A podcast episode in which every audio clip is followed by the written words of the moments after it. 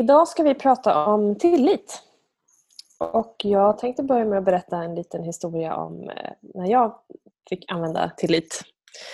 Eh, jag, för några år sedan så skulle jag byta lägenhet. Jag bodde norr om stan och kände att pendlingen blev alldeles för tuff.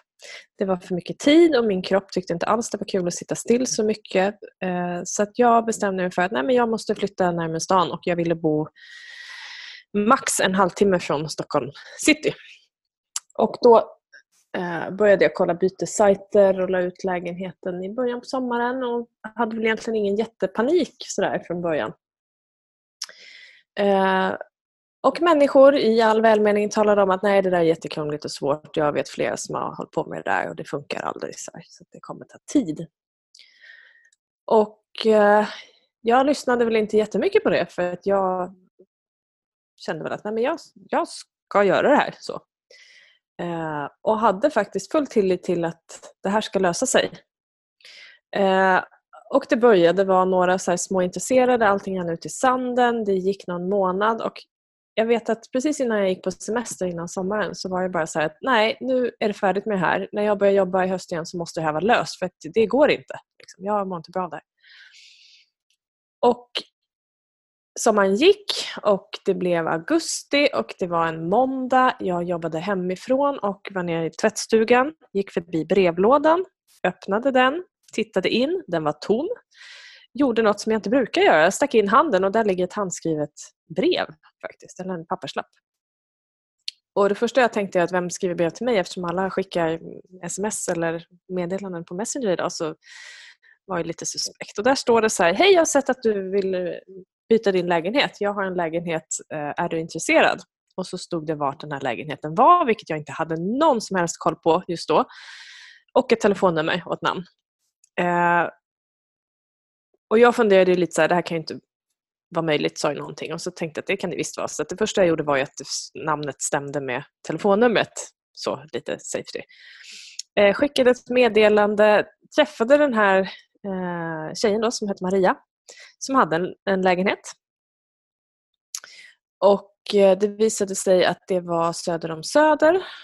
Eh, jag åkte in och tittade på den här. Jag höll på att säga ja direkt och så tänkte jag, tänk dig för lite nu i alla fall. Eh, så jag var där och tittade och kände att här ska jag bo. Hon och jag började skicka in om byte och fick igenom det ungefär en månad senare. Och första november det året gick flyttlasset. Och då vet jag att jag hade bestämt mig inför bytet att jag skulle ha en lägenhet med minst två rum och den skulle vara större. Och det var precis det jag fick och också balkong och, och eh, badkar som också var med på beställningslistan. Jag hade glömt de detaljerna i lägenheten innan. Den var också större än den jag hade innan men det var ett rum mindre. Så, så men det som är spännande här är att jag hade inte kunnat tänkt mig för mitt liv att jag skulle få ett brev i brevlådan, eller en lapp i brevlådan som sa hej jag vill byta min lägenhet med dig. Där det inte fanns några som helst konkurrenter heller. Eh, jag hade bara bestämt mig att det här ska lösa sig. Men hur det skulle gå till när jag insåg att det här med bytessajter kanske inte var grejen. Eh, det visste jag faktiskt inte. Men jag hade full tillit att det skulle göra det och det gick ganska fort när jag väl hade bestämt mig att nu är det hit men inte längre. Nu, nu är det dags. Alltså det är Hur så är... sjukt cool story. det var jag är helt trollbunden här och lyssnar. Eh, och eh, ja, på, på, det temat så eh, måste jag faktiskt eh, senare sen i podden berätta om när jag fick mitt livs tydligaste så här, klartecken att ha tillit och köra på en grej som jag nog kanske inte hade vågat om jag inte hade haft det. Ja, det ser vi fram emot. Ja, det här med, med tillit och med huret som du berättade om, att du inte hade någon aning om hur det skulle gå till. Eh, det där känner jag igen mig Och ja, Det är lätt att säga så med fast i hand att det är bara att ha tillit och man vet inte hur det ska gå till. Men ah, jäklar vad svårt jag tycker att det är. Så sjukt mm. mycket jag har tränat på det genom åren ska jag säga. Mm. För, eh, oftast är det ju så. Man kanske sätter ett mål eller en dröm eller något man vill göra och sen har man ingen aning om riktigt hur det ska gå till eller ja, vilken väg man ska ta. Eh, vilket tycker jag är ganska frustrerande ibland och då är ju tilliten en väldigt bra verktyg att ändå lita på att det blir som det ska bli eller att rätt människor dyker upp vid rätt tillfälle eller ja, mm. lita på sig själv och sådär. Mm. Det är något magiskt med det där på något vis att tillit är ändå ett val. Eh, och precis som du säger, det är inte alltid lätt. Eh, det ska ju eh, det ska man ju ha med sig att det är en träningssak och ha tillit till tillit också. Eh, men det är häftigt vad det händer grejer när, när man liksom går efter det precis som du säger. Jag har ingen aning om hur. Och det, vi har ju vår fjärde resa nu till Portugal i vår. Och där stod det och vägde nu, för vi har ju kört tre resor och eh, vi, allting har en uppstart. Det har liksom varit en uppstartsfas. Det har gått bra men det behöver också bli så att det faktiskt blir en inkomst på det hela, även om det är jätteroligt att vara iväg. Eh, Eh, så att vi stod och vägde och det var liksom att okej, okay, nu, behöver det, nu behöver det bli en förändring. Och då när vi släpper den, vilket är fem månader innan, så sålde den slut på tio dagar. Och annars har vi liksom fått slitit in i det sista verkligen. Och det är också så häftigt, men vad hände där? Och ibland undrar jag om inte bara de här hundraprocentiga besluten man tar påverkar på något sätt. Jag har ingen aning om hur, men, men jag upplever att det är en skillnad när man verkligen, verkligen bestämmer sig. Till skillnad från när man inte gör det. Jag det är lite häftigt. Fråga, vad är det du tror gör skillnad? Liksom, vad var det som var? Men det, men det är kanske som du säger, det här att verkligen bestämma sig och att eh, på något sätt göra en Ja, och jag vet inte, det finns ju olika dimensioner i det där också. Alltså dels är jag tillit till sig själv och sen tillit till yrkesrollen eller tillit till sina relationer eller tillit till att allt löser sig. Jag vet inte, det finns väl hur många som helst. Men för mig på något sätt så är det en skillnad när det är någon slags märklig känsla av att alla celler, alltså allting i hela kroppen pekar i en riktning. Att det är bara det är så här det ska vara. Uh, och Sen finns det de stunder som jag har, liksom, jag har ingen aning om hur det ska vara men jag vet att det kommer lösa sig med samma tydlighet det här är att Jag vet exakt vad jag vill känna men jag vet inte vad det är som fysiskt behövs för att det ska kännas på det sättet. Det här varit jätteflummigt känner jag. Ja, alltså jag skulle precis säga det. Jag, jag på något sätt köper det du säger samtidigt som det är lite frustrerat flummigt. För att ja, alla celler i kroppen, hur känns det då? Liksom? Och hur, när vet man att det är rätt? Och när, för ibland kan jag uppleva att jag har varit i situationer där jag gärna vill, alltså hjärnan säger att jag skulle vilja det på ett sätt. Så tänker jag att det här är nog rätt, för att jag vill det så gärna. Mm. Nu nyser Savanna här i knät på mig. Prosit! Mm. Men, ehm, men det ändå inte blir så. Jag vet inte. Hur, hur vet man då det? Att det är jag, jag tror, och det här, jag kan ju bara tro utifrån mig själv, att, eh, och det, det som jag har samtalat med andra om, men att det är en träningssak. Eh, och som du säger, det här, för mig finns det en skillnad när jag vet att jag vill någonting som egentligen inte är grundat. Jag, numera vet jag det och det är de grejerna som, som jag har sprungit på som kanske inte har blivit hundra de, alltid. Det. Eh, men det blir som något det blir igen så här, det blir, det blir flummigt men det blir väldigt genuint. Det känns som det är ett grundat beslut. Även om inte jag har ett Excel-formulär och forskning på att det här är rätt så känns det som att det finns inga alternativ på det här utan det är bara så det ska det är det som ska vara. Liksom. Mm. Och skillnaden är väl lite att är jag inte i balans så är det också svårare att hitta tilliten för då kan jag inte lita på att det är grundat utan då är det, kan det vara de här liksom flyktiga grejerna att man vill göra någonting för att det känns bra för stunden eller man tänker inte riktigt är det här verkligen rätt på lång sikt? Liksom? Är, det, är det verkligen, verkligen det här jag vill eller försöker jag bara fylla någonting för stunden nu? Uh, och Jag vet att jag hade en, en sån jättetydlig för uh, ganska många år sedan. Men jag stod inför en, eller jag hade separerat från min dåvarande sambo och bodde på västra sidan av landet. Och började med, okej, okay, var ska jag bo, var ska jag bo, var ska jag bo? Jag hade ju inte direkt någon anknytning dit, jag hade ingen släkt, eh, mycket vänner men ingen familj. Tänkte, är det här jag ska vara kvar verkligen? Och det, det, var ju flipperkul i mitt huvud för jag tycker lika mycket om fjällen som Gotland som skärgården. Så, så jag var ju på väg till 800 ställen. Eller ska jag utomlands? Liksom? Ska jag vara här ens? Och sen så vart det bara så här, någonstans i det här snurret så var det som att det bara var så här Jenny lägg ner nu, bara sätt dig ner och så sitter du still i båten tills det slutar gunga. Då kan du bestämma. Så att jag gjorde en deal med mig själv där och då att eh, här fattas inga beslut förrän jag är i balans igen. Och när jag väl var i balans igen, då var tillvaron väldigt bra där jag var.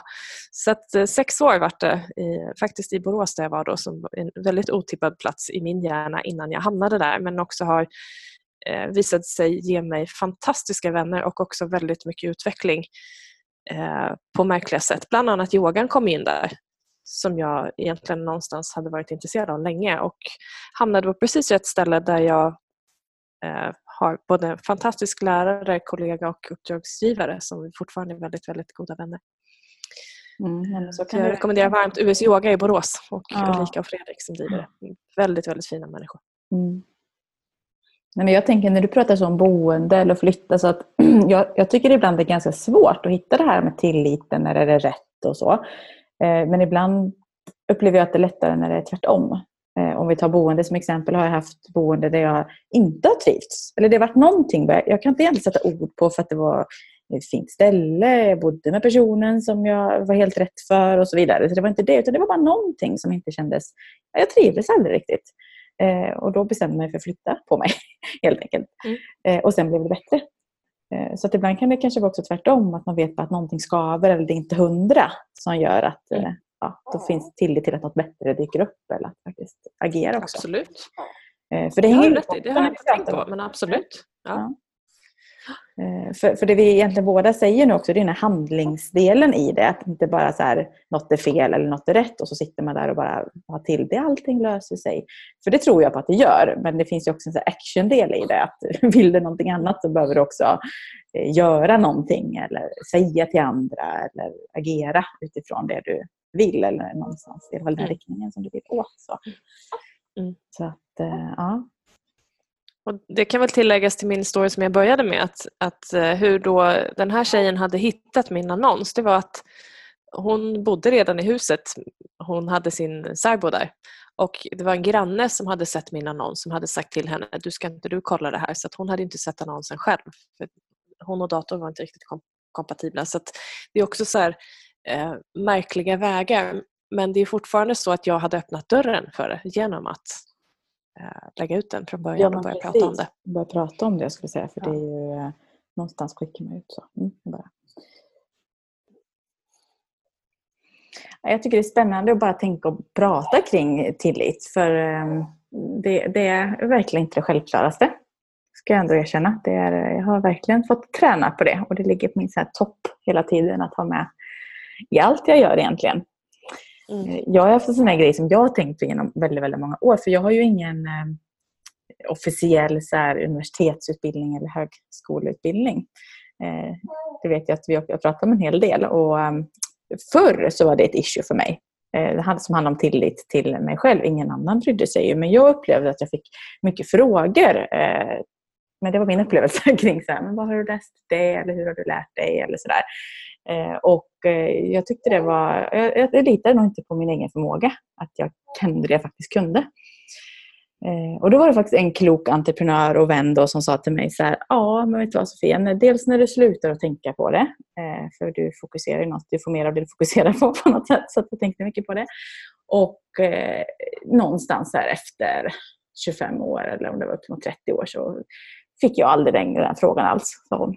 Eh, I början fick jag den jätteofta men sen så är det skitsamma. Eh, och det är någonstans här när jag fick höra det, oh, vad skönt. Och så släppte jag taget om det och sen bara, ja, släppte det på något sätt. Eh, och säkert också att jag började skapa mer tillit till min egen förmåga. Och att det, för det har aldrig varit viktigt för mig. Men jag fick för mig att det var viktigt för att jag skulle lyckas eller komma framåt. Och så var det bara en illusion liksom av eh, så så kan det också vara. Så att det är det här med tillit till sin egen... Jag har också gått i varvet och jag har ju också... Ja. ja. Jag, jag började till och med läsa ledarskap. Nu har jag lite andra poäng för att det behövdes i friskvårdssammanhang med, med medicinkunskaper. Eh, men däremot så började jag läsa ledarskap för jag tänkte att det kanske är bra för jag jobbar med det. Alltså universitet, jag har ju andra, andra delar. Och insåg att eh, just där och den kvaliteten eh, går inte ens att jämföra med kunskaper från annat håll. Och då, då var det också en liten så här, att det släppte lite för mig också. Att med tanke på vad jag ska leverera eh, till mina kunder så är det här helt irrelevant. Och det var ganska skönt. Mm. Men finns det tillfällen eller så här områden i ditt liv som du upplever så att det här har jag inte ens behövt tänka på tillit för här har det varit så självklart och vissa områden som du verkligen fått jobba med eller hur är det för dig? Oh, vilken bra fråga. Jag, jag har ju en liten sån här med jämna mellanrum som kommer upp som talar om för mig att eh, varför, varför jobbar du med det du gör? Det här är inte tillräckligt och kan du det du håller på med? Och där har jag fått jobba med tillit till att jag faktiskt eh, alltså sluta ifrågasätta mig själv och lita på resultaten jag får. Sen har jag på något sätt i jobbsammanhang skapat eh, som ett mantra kring tillit för att jag alltid ska hamna på plus. Eh, och inte hålla på och jiddra med det här tramset att inte ha tillit. Att de personer som jag möter i jobbet eh, och det kan vara allt ifrån att det är personer som livet har testat väldigt, väldigt hårt eller personer som är extremt olika mig i, i sitt tänkande och i den verkligheten som, som de lever i. Att eh, jag har tillit till att jag är den som är bäst just där och då för att hjälpa den personen eller de personerna framåt i grupper också ibland. Eh, eller att det är för att jag ska lära mig av det så att det blir plus på båda sidor, både för mig och dem i det mötet. Eh, för ibland så kan jag ju tänka liksom att men hjälp, ska jag kunna hjälpa dig med det här? Och sen så blir det liksom bra. Men jag kan inte gå in med någon slags prestige eller eh, börja tävla om att göra rätt för då blir det fel. Utan jag måste liksom vara närvarande med den personen. Så där, där har jag gjort en deal med tillit. Och tillbaka till området så, så Ja du. Det är en jättebra fråga. Ja, men det bara slog mig. Jag, jag sitter och tittar här på min två månader som, som jollrar bredvid. Så hör ni någonting i bakgrunden? är det bara hon? så jag är väldigt, väldigt glad och sitter här och, och pratar. Eh, men där har, har liksom blivit en sån situation för mig att i min roll som mamma eh, så har jag full tillit till att jag på något sätt bara löser det. Och även som när jag var gravid. Och så här, det har, och vilket har varit väldigt skönt för det kan ju vara en sån situation som förälder att det kan skapa en del osäkerhet, hur ska jag göra och så. Men där, men där har varit, in, ska säga, inte för att det inte alltid är, eh, är lätt och jag har ingen aning om hur jag ska göra de flesta gångerna. Men jag mm. har tilliten till att jag löser det på något sätt. Alltså jag bara, det, det kommer gå, den förmågan har jag. Eh, och i, i, min roll, liksom i min relation med min man, nu har vi hängt ihop i jätte, jättemånga år och, och, och har varit, liksom, det har funkat väldigt bra. Där är jag också full tillit till att den delen av livet liksom löser sig medan jag har haft, fått jobba mer med tillit kring till exempel mina jobb och de företag jag driver, hur ska det gå och sådär. Eh, och det är ju så lite skönt att det inte är alla delar i livet som jag behöver jobba på tillit hela tiden. Mm. För det hade varit lite kanske kämpigt. Mm. Utan, eh, och sen kan det säkert ändra sig. Men ja. Mm, absolut. Det, nu när vi pratar om det, det jag kan tänka på som har testat min tillit mest, det är ju i privata relationer. Eh, där, eh, ja, dels har jag haft en relation med en person som mådde väldigt, väldigt dåligt och jag blev till slut, det sista vägen ut var att släppa taget. Eh, och den är ju inte lätt att ha tillit till att släppa någon som inte mår bra.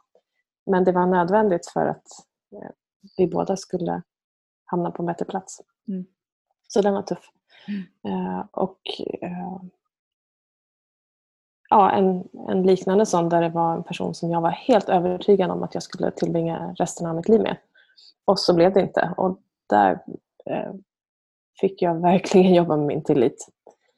För att eh, där hade, som jag nämnde, då, allting i kroppen hade sagt att jo men det här det, det, det ser omöjligt ut men det, det kommer bli bra. Och det blev det inte. Eh, eller det blev, det blev förmodligen jättebra men inte, vi skulle uppenbarligen inte följa varandra längre. Eh, vilket eh, testade otroligt mycket. Mm. Och sen nu när vi pratar så tänker jag på en sån eh, som man drar det till sin spets. Liksom. För jag har ju berättat i tidigare poddavsnitt att jag har en, en bror som råkade ut för en, en allvarlig olycka och sen Eh, gick bort. Eh, så det gick ju inte så bra i den, den historien till slut. Eh, men under hela den processen, för vi hade ungefär ett och ett halvt år där han ändå efter olyckan var vid liv men väldigt, väldigt skadad. Och där fick jag ju träna jättemycket på tillit och till slut att tillit till att det ska bli precis som det ska bli.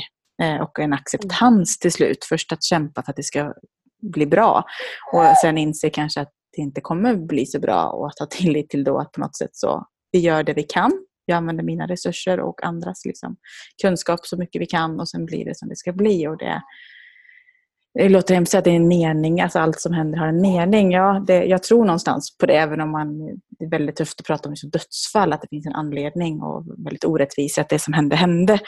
Eh, men någonstans så lär vi oss av sådana situationer och, och verkligen fick träna på tillit till att eh, ja, vad man nu ska säga kring det. Liksom. Så det finns ju alla aspekter i det här, eh, det ordet eller den liksom. Ja. Mm.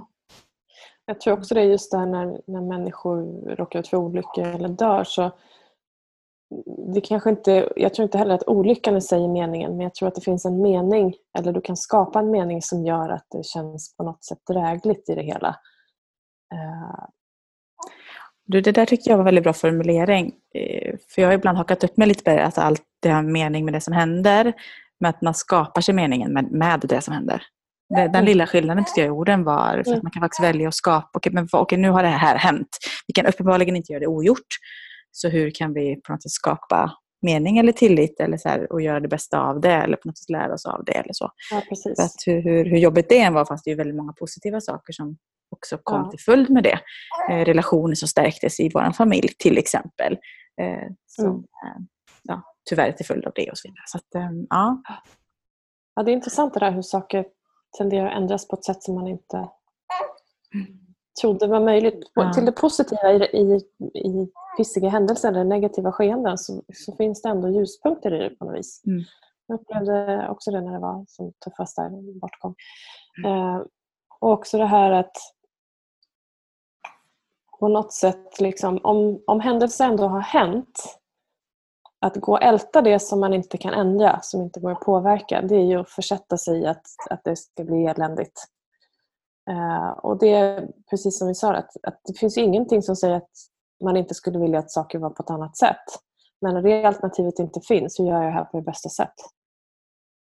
För att ja, men liksom lärdomar, erfarenheter uh, och för också liksom göra den personens resa genom livet värdefull även efter den har lämnat.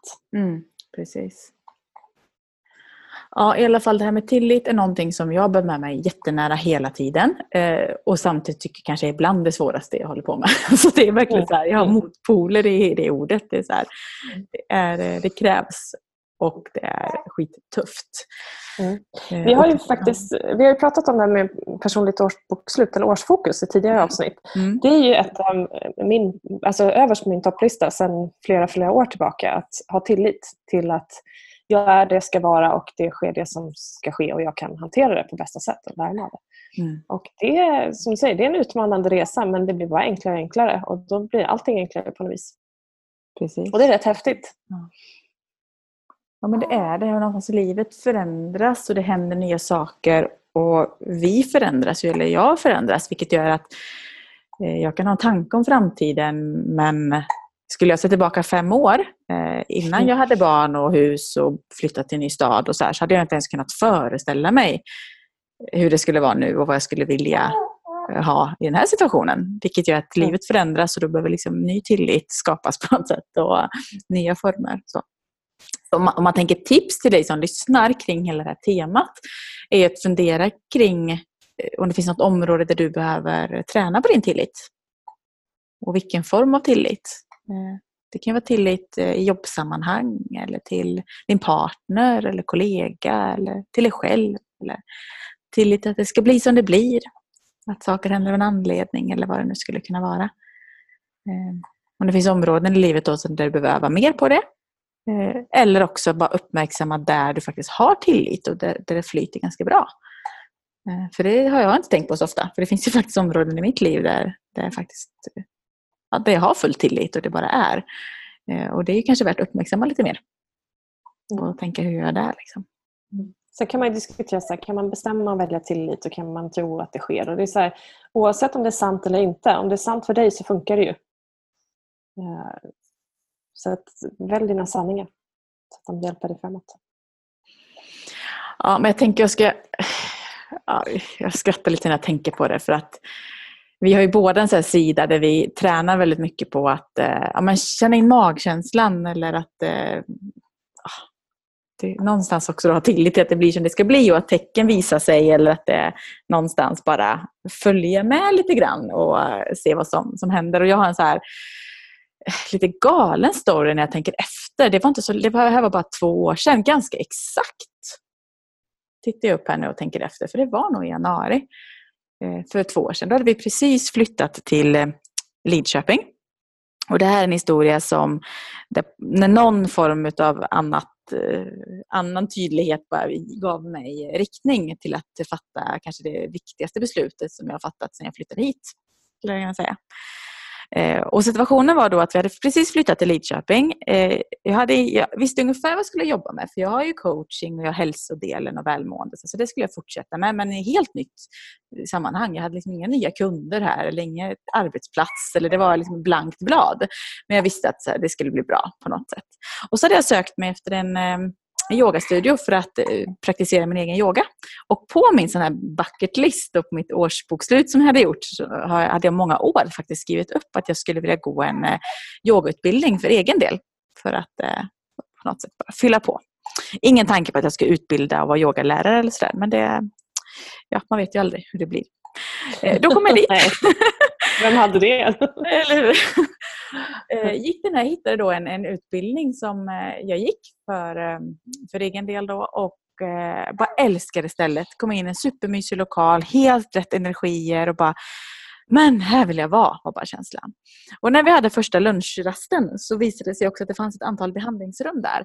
Varpå ägaren då säger att ja men här inne är det en tjej som söker efter någon som vill dela lokal med henne på halvtid. Och jag började direkt tänka så här, ah, jag hade inte tänkt att bli med lokal för att jobba med coachingen och så vidare. Men eh, det var ju tilltalande att bara vara i en sån härlig miljö. Så för en lång historia kort så gick jag och tänkte på det här ganska mycket under den här helgen. Jag kollade upp förutsättningarna, precis som du gjorde med det här bytet. Att jag började kolla vad kostade, det, vad innebär det och så vidare. Och så kunde jag inte riktigt bestämma mig. Magkänslan sa egentligen kör, men hjärnan och min logiska, lite mer kritiska sida sa så här, ja, borde jag satsa? Ja, ska jag? har inga kunder, jag vet inte du vet hur det ska bli, allt det här. Minussidan av det. Och så i yogan så höll jag också på att meditera, jag brukar blunda. Och så tänkte jag väldigt mycket på just det här, ska jag satsa, vågar jag, ska jag köra, ska jag hyra in mig på det här rummet, kan det leda till någonting? Var det precis där och då när du satt på, ja, på yogapasset då? Ja, under liksom ett pass mm. så låg jag och mm. tänkte på just den här frågeställningen. För, ja, och så blundade jag. Och av någon anledning så öppnade jag ögonen precis när jag satt och tänkte på det här väldigt mycket. För det brukar jag inte göra. Eh, och då hör till saken att solen sken in genom fönstren och de här fönstren så står det yoga utanför. Eh, så att bokstäverna lyser in. Och av någon anledning så lös bara G i yoga in. Eh, solen låg precis där G liksom var på det här fönstret. Så G speglade sig som ett stort G, så två gånger två meter på hela, den, eh, ja, hela väggen. Och efter G så var det en väggbonad som var som en sån här liksom en mandala, en rund stor matta fast som satt på väggen som blev ett O. Så när jag tittade upp så läste jag Go i liksom stora bokstäver på hela väggen. Och det var så sjukt. Det var så här, och det bara rös hela kroppen. Det ryser fortfarande när jag tänker på det. Och bara så här, ja, men kan det bli tydligare än så? Jag, upp, alltså jag frågar någonstans mitt kanske högre jag eller universum eller hur man nu vill kalla det. Och det bara står go. Eh, och så det var faktiskt den sista pusselbiten till att jag tog beslutet till att köra. Och det har visat sig vara det absolut bästa och kanske viktigaste beslut jobbmässigt jag tog sedan jag flyttade hit. Eh, som har lett till väldigt mycket mer. För att inte gå in på det Här. Ja, och nu har det ju väldigt mycket mer som kommer hända där. Så kan inte du berätta vad du har gjort i veckan? Ja, jag har ju faktiskt startat ett nytt bolag. eller registrerat Exakt. ett nytt bolag. Som, som, i allra högsta grad har med den yogalokalen att göra. Men det kan vi gå in på ett annat ja, avsnitt. Precis. Det är fantastiskt. Det hänger ihop. Eh, så nu är jag i alla fall med och driver liksom hela det hela det stället och ska ombilda det. Så att ja, det där goet var ju ett väldigt tydligt tecken på att eh, jag var på helt rätt plats. Sen om hur man väljer att tro på det eller inte, alltså för mig blev det bara ett tecken på att eh, ja, våga testa. Och ja, när du säger det här, alla celler i kroppen kändes rätt. Det gjorde faktiskt det. Men min hjärna spelade med ett spratt. Ni vet den här vågar jag, mm. kan jag, tvivlen som normalt dyker upp. Och det tycker mm. jag kan vara bra att nämna. För de finns ju där våra tvivel. Så här. Eh, men ska jag vara riktigt ärlig och gå tillbaka så ja, varenda cell i kroppen sa på något sätt ja. Mm. Även om jag inte kunde rättfärdiga det riktigt med liksom min, min logiska sida. Så då får man faktiskt ibland våga. Eh, och det krävs ju en del mod ibland att hoppa på sådana här saker också. I detta fall faktiskt investering. För att jag behövde också, alltså det var pengar involverade. Så där, skulle, men det har ju visat sig ge mig liksom, hundrafalt tillbaka. Mm. Så att, eh, det är ja. bra att nämna det med tvivel också som du gör. Att det är inte så att det inte finns tvivel. Eh, utan frågan är ju bara så här, är tvivlen någonting, behöver jag skaffa mer information, säger de mig någonting eller är det bara gamla rädslor och Mm. sådana saker. Och så ha tillit till att man hittar rätt svar där också. Mm. Lär sig skilja på det och det är en träningssak tänker jag. Mm. Ja, men det kan vara bra att nämna det, för när vi pratar tillit, det, här, det är inget vi ser. Det är så här ett, ett, eh, luddigt ord. Det är liksom inget vi kan ta på riktigt. Ja. Utan, eh, och det kan se så lätt ut ibland. Vi har ju pratat om det förut, att andra kan säga att du bara kör, eller vad kul. Eller, alltså, grattis till företaget. Ja, fast bakom det ligger ju jättemycket. Jag är ju livrädd nu eh, för allting. Men samtidigt har jag jättemycket tillit att det ska lösa sig. Ja. Eh, Sen är det väl också så här som man ska skilja från att tillit och impulshandlingar är inte alls samma sak. Mm. För tillit är ju ofta väl grundade långa tankeprocesser. Även om man inte har tänkt det aktivt eh, på länge så har du någon gång bestämt dig för hur du vill leva, vad som är viktigt, hur du vill ha det. Eh, och då antingen vägen eller målet har inte varit tydligt. Så det ena eller det andra. Eller, eller så är det toktydligt alltihopa. Så när de delarna liksom faller på plats, ja, men då, är, då är det ju självklart på något vis. Eller den här känslan av att det, det finns bara ja på det här. Eller som du säger när det är tvivel, det finns bara nej för här ska jag inte Ja. vara. Liksom. Och jag älskar när du säger det så, för på något sätt, alltså jag älskar att podda med dig för övrigt. Jag tror att jag gör det. Tack detsamma. egen, egen terapi. ja, men eller hur? För att när du säger det så, då blir det igen så starkare till varför jag gör mitt årsbokslut. För det kan låta så banalt, bara riktning framåt. Men ja, det är som du säger, när du någonstans har gjort det, kanske under flera år eller bara en gång, du har en riktning så blir det ju inte bara en impuls av saker som kommer, alltså möjligheter som kommer i min väg. Utan någonstans har jag ju välgrundat i ryggen vad jag faktiskt vill. För det blir i riktning till någonstans vad som är viktigt för mig. Och då måste man ju börja, vad är viktigt för mig? Och då är typ årsbokslutet en jättebra grej att, att göra. Eh, Så vi för övrigt har som webbkurs, jag måste ändå bara säga det nu. Vi har den öppet under, så lyssnar du under januari månad på det här avsnittet eh, så finns den att köpa. Eh, Mm. Men, och det är ju sådär ett- enkelt sätt att få guidning kring att ställa frågor till sig själv, vad är viktigt för mig framåt. Jag hittar den på Ja, det är coolt. också, även på Facebook. Ja, precis. Allaleder.se och så. Ja, nej, men till... .com, Sofia. Allaleder.com. Ja, men jag har allaleder.com. Ja, du fattar ju. om vi ska, om vi ska vara sådana. Vi ska vara Nej, noga. har koll? Man behöver inte ha koll, man behöver bara veta. Eller hur var det? Eller hur? Nu knorrar någon jättemycket här i bakgrunden som tycker vi ska vara färdiga. Jag vet inte, ska Mm, vi vara det färdiga med det här? då. Jag tycker det. Jag känner mig jättefärdig. inte slut, men färdig. Färdig? Ja. ja, det tycker hon också. Ja, det tyckte hon också. Nej. Ja, eh, så att igen, bara till, tänk på tillit och eh, skapa mer tillit. Eh, Ja, träna. rekommenderas varmt. Träna på. För det Mm. gör underverk. Mm. Ja, tack för det här avsnittet och tack för dina kloka tankar. Det får Ja, mig tack själv tänka jättemycket. Jag ska fundera mm. vidare jag med. Ja. Härligt att sätta igång lite. Då hörs vi nästa vecka igen. Det gör vi. Hejdå!